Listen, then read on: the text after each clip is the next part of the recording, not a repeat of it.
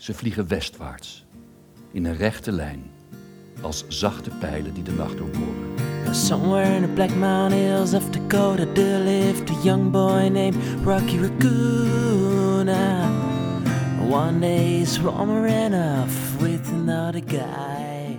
Hit young Rocky in the eye. Welkom bij Dierenverhalen van de Wallen, de podcast. Nou, eh, hartelijk welkom weer. Welkom terug. Naast me zit. eh, Ja, hier zitten Billy de Wallen. Eh, Moos Wallen. Ja, nou, ja. Wat is. eh, en ik ben Stefan de Wallen trouwens. eh, Niet onbelangrijk. niet om, nou ja, dat wil ik niet zeggen. Maar goed, eh, Nou, nou ja, dan, nou, dankjewel. Maar eh, wat is, eh, wat, Moos, wat is bijvoorbeeld, als, als we nou, wat, we zijn dierenverhalen aan het vertellen en jij maakt muziek over dieren. Als je nou een favoriet dier hebt of een dier waar je het het meest om geeft. Of, Dat is al heel lang de zeehond. echt waar? Ja, ja vind ik echt prachtige Ja, dieren. je had ook zo'n Ja. knuffel hè, vroeger. Ja, klopt. Zee- ook? Zedi. Zedi. Heet Ja. die Zedi? ja. En jij had ook een, een, een knuffel die eindeloos... eh, Ja, eh, Daar heb ik heel wat van versleten. ja, twee. Er is er ook een ingelijst die zo'n heel lelijk Ja, lijstje achter een glasplaat. Het is eigenlijk een heel gruwelijk beeld. Wally is inderdaad niet meer te herkennen.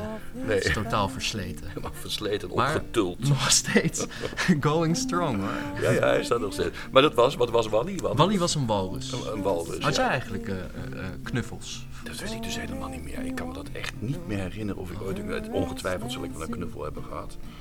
Ik, ik weet niet. Ik- Kijk, mijn huidige lievelingsdier is natuurlijk ons eigen Capitano. Ja. Capi de poedel. Die, eh, die, eh, de- ons huisdier. Die eh, bij ons in huis is gaan wonen omdat jullie alle twee allergische reacties hadden op poezen en honden. En toen hebben we, heb ik me eh, eigenlijk in die poedel laten, laten lullen. Maar ik heb er geen moment spijt van gehad. Moet hem zo uitlaten trouwens. Ja, je moet er zo uitlaten. Dus we moeten ook een beetje doorpraten. Deze podcast, het thema van deze podcast is, Wil, Allerhande dieren. ja, een soort potpourri van dieren.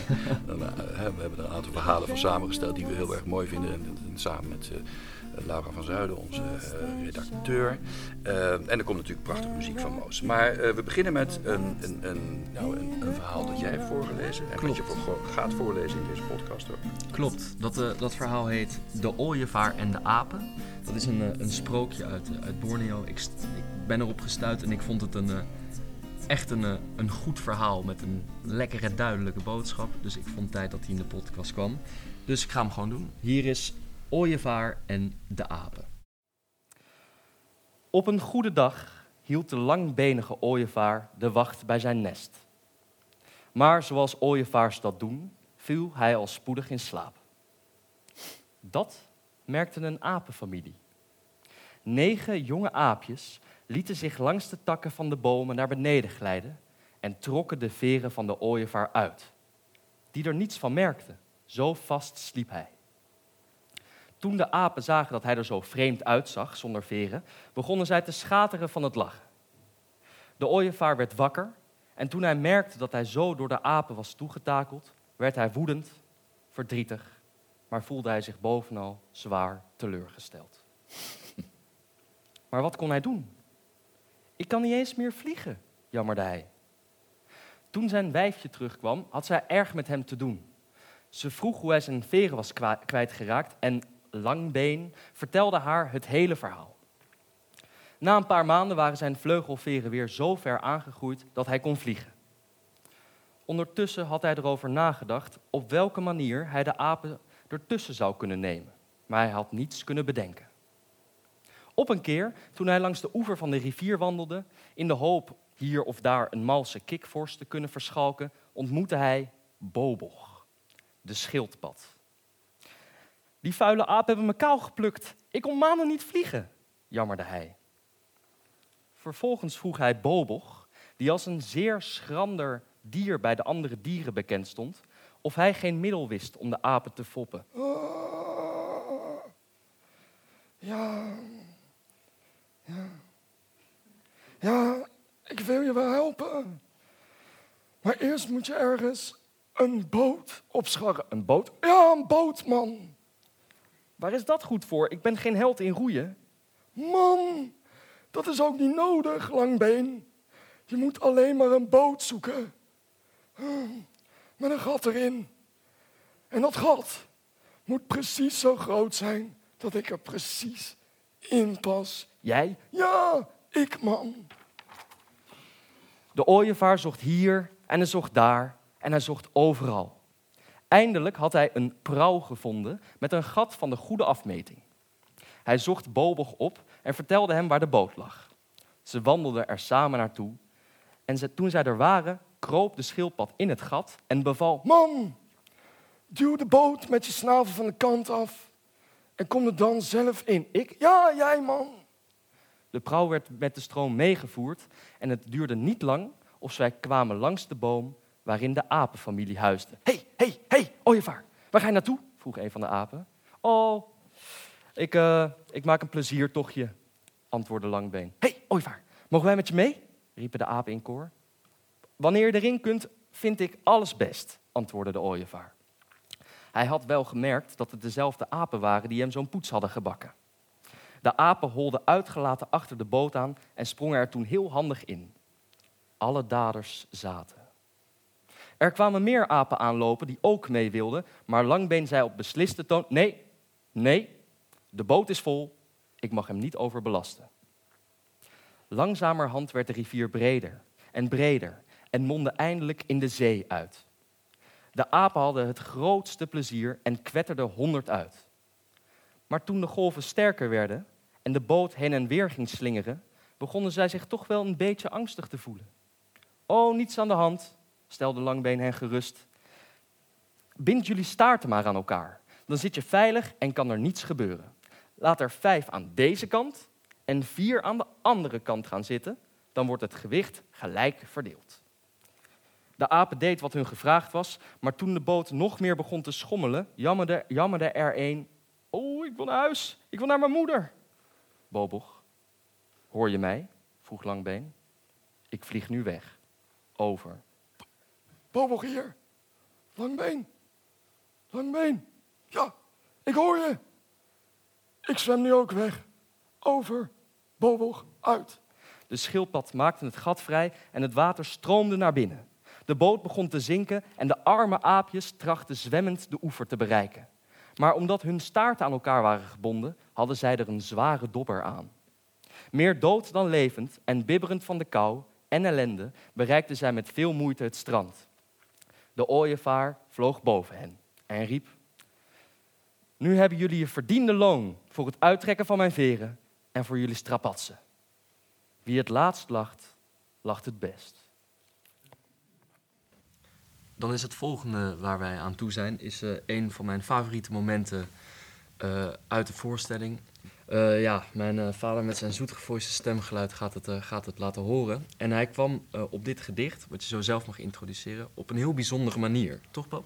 Ja, nou ja, ik, ik, ik um, geef af en toe ook les. En dit is een gedicht wat ik al heel lang ken. Zelfs van mijn eigen toneelschooltijd. Daar heb ik dit gedicht ook gedaan. En ik doe dat nu af en toe met leerlingen. En het viel zomaar uit mijn tas. Ik had het al een paar maanden niet gezien. Terwijl we bezig waren met de dierenwaarder, rolde er een propje uit mijn tas. Ik, ik maak dat propje open en ik kijk. Nou ja, zeg, dacht ik. Twee meeuwen van Marsman. Septemberavond. De schemering had de oneindigheid tussen de golven en de hoge hemel doorzichtig grijs getint. De zee was stil, bijna al ingeslapen. Haar golfslag had in ruisend ademhalen de wereld van die avond vaag bevolkt met dromen. Ik lag beneden, aan de voet der duinen, waar het strand rondop loopt. De hemel gloeide wazig violet, maar naar de kim toe werd hij donkerder en somber bloedend woei het avondrood boven de kartellijn der verre horizon. Dit is het uur waarin het al zo stil is, zo onbeschrijfelijk transparant en vredig, dat het niet anders meer dan sterven kan. Aan zulke wijdheid, zulk een dodelijk leven. Een trilling lang en reeds is het verzonken. Vallende uit het ijl, ondenkbaar zweven tussen waak en dromen in een steeds dieper zich verdichtend donker. Twee meeuwen hebben in dat uur het nest verlaten. Met kalme, drage wiekslag komen ze aandrijven over de duinen, die nu al bijna donker zijn geworden. Ze vliegen zeewaarts. Een ondeelbaar paar dat voeling houdt met alle krachten die deze avond het heelal beheersen. En meer dan met die krachten, met elkaar. Alleen niet met het landschap achter hen. Niet met hun warme nesten. Zelfs niet met hun jongen. Ze vliegen westwaarts, in een rechte lijn, als zachte pijlen die de nacht doorboren, totdat zij, roekeloze, niet meer kunnen keren. Onder het vallend donker liep ik terug naar huis. Nou. Uh, we gaan verder met, uh, met muziek, oftewel eigenlijk een, een verhaal op muziek. Een heel bijzonder kunstwerk wat is gemaakt door Jasmijn Burger voor, um, voor een schoolopdracht uh, of een tentamen, of wat was het? Ja, klopt. Jasmijn Burger die, zit in jaar drie van het Conservatorium Den Haag met hoofdvak viool. En zij besloot om um, een verhaal van Winnie de Pooh op muziek te zetten. En ze heeft mij gevraagd om dat voor te lezen. Hier is Jasmijn Burger met achterwoord.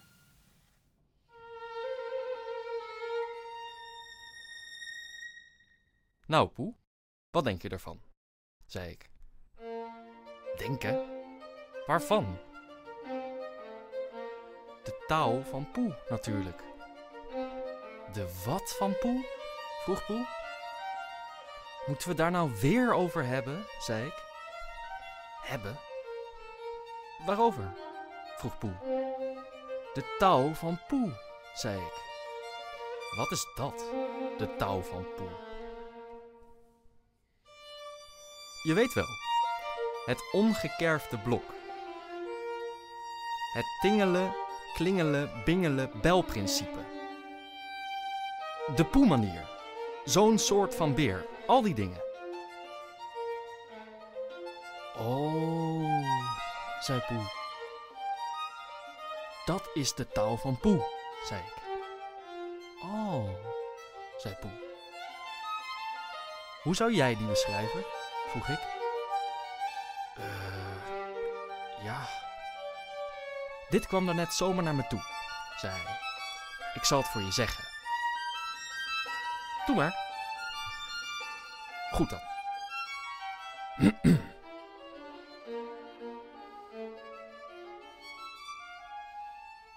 Het kennen van de weg moeten we gewoon op weg. Je dingen doen, liefst met plezier. Dat hoeft niet daar.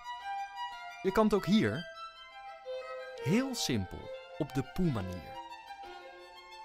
Maar ga niet zoeken naar de weg, want je zal zien, dan is hij weg. Ik ben ik en jij bent jij. Dat weten we allebei. Maar als jij nu de dingen doet, de dingen die jij kan, dan vind je heus de weg vanzelf. En de weg komt achter je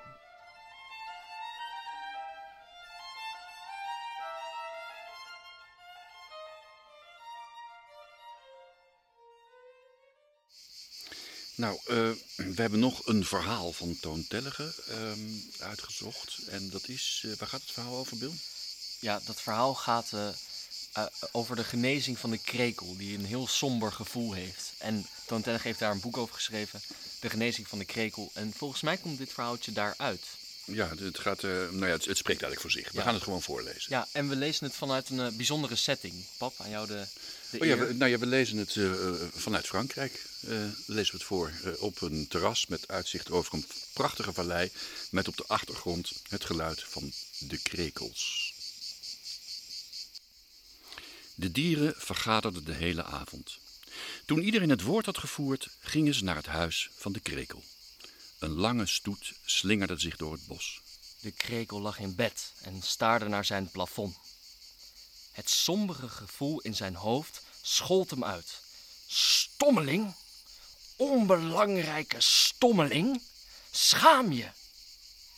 De krekel wist niet waarvoor hij zich moest schamen. Waarschijnlijk voor alles, dacht hij. De dieren stapten zijn kamer in.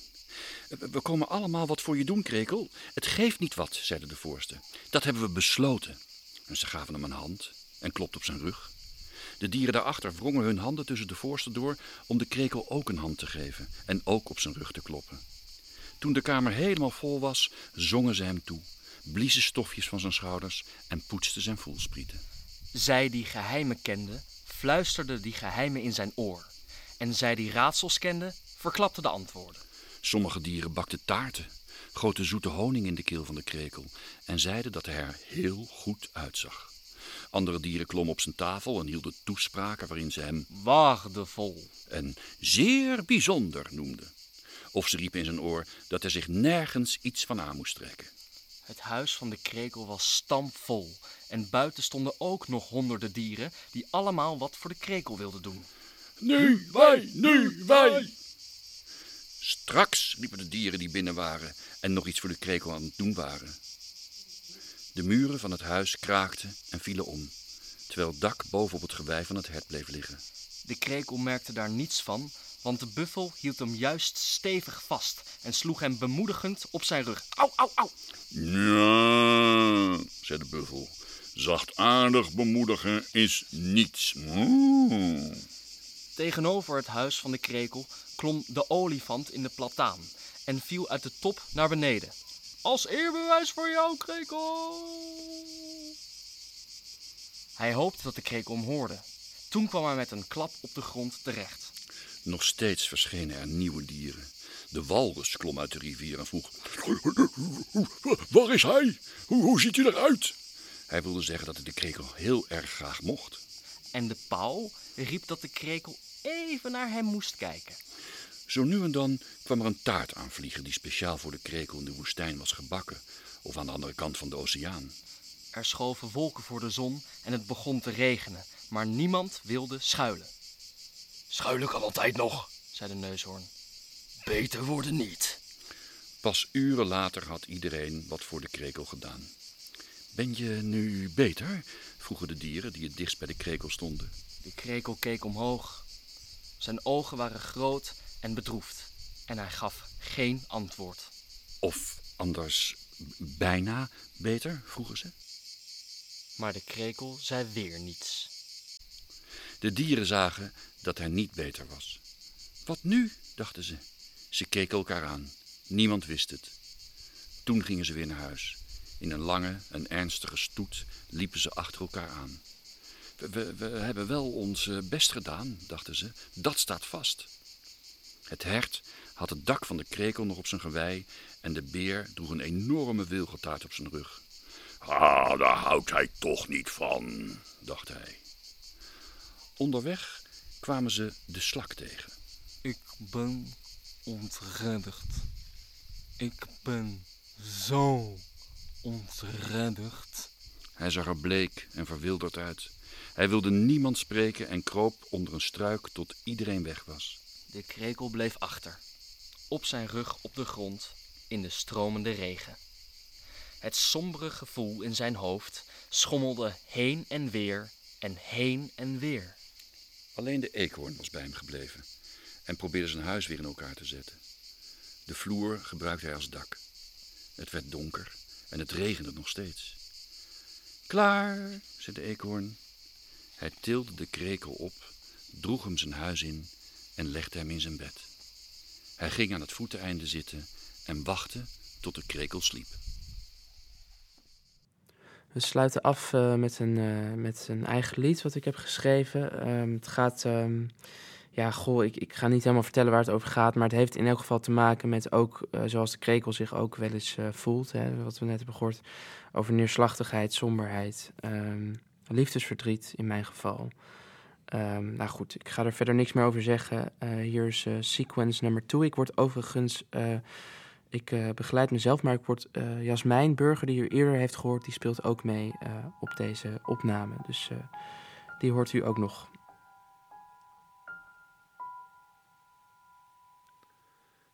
Feels so rough to be in love with a girl like you.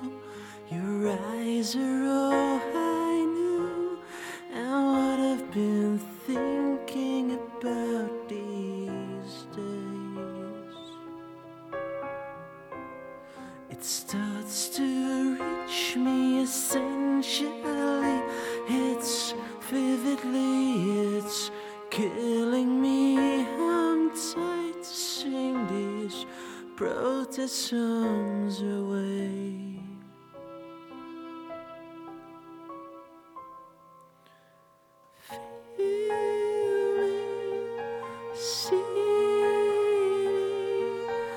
soon.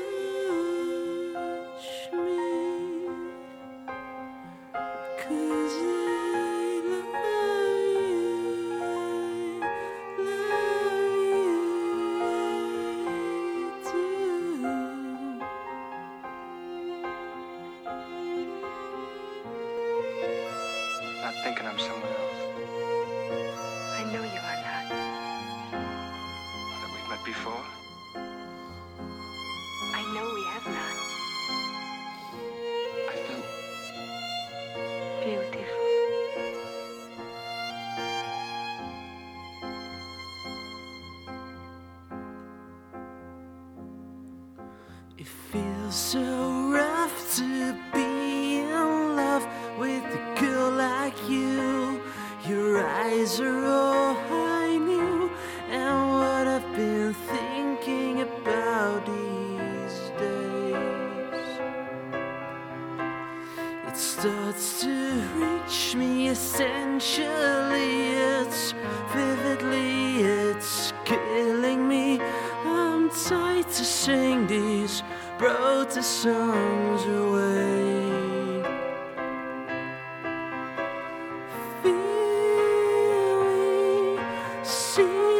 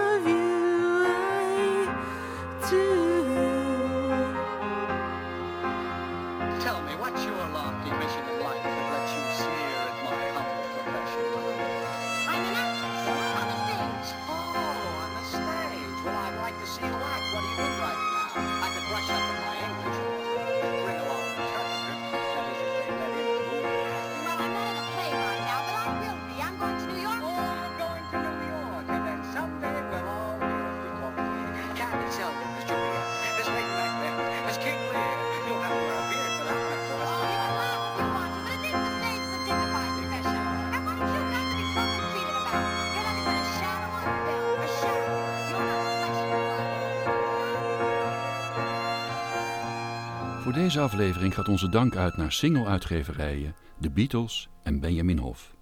Volgende week zijn we terug met verhalen over grote dieren. Abonneer je op HNT Podcast om op de hoogte te blijven.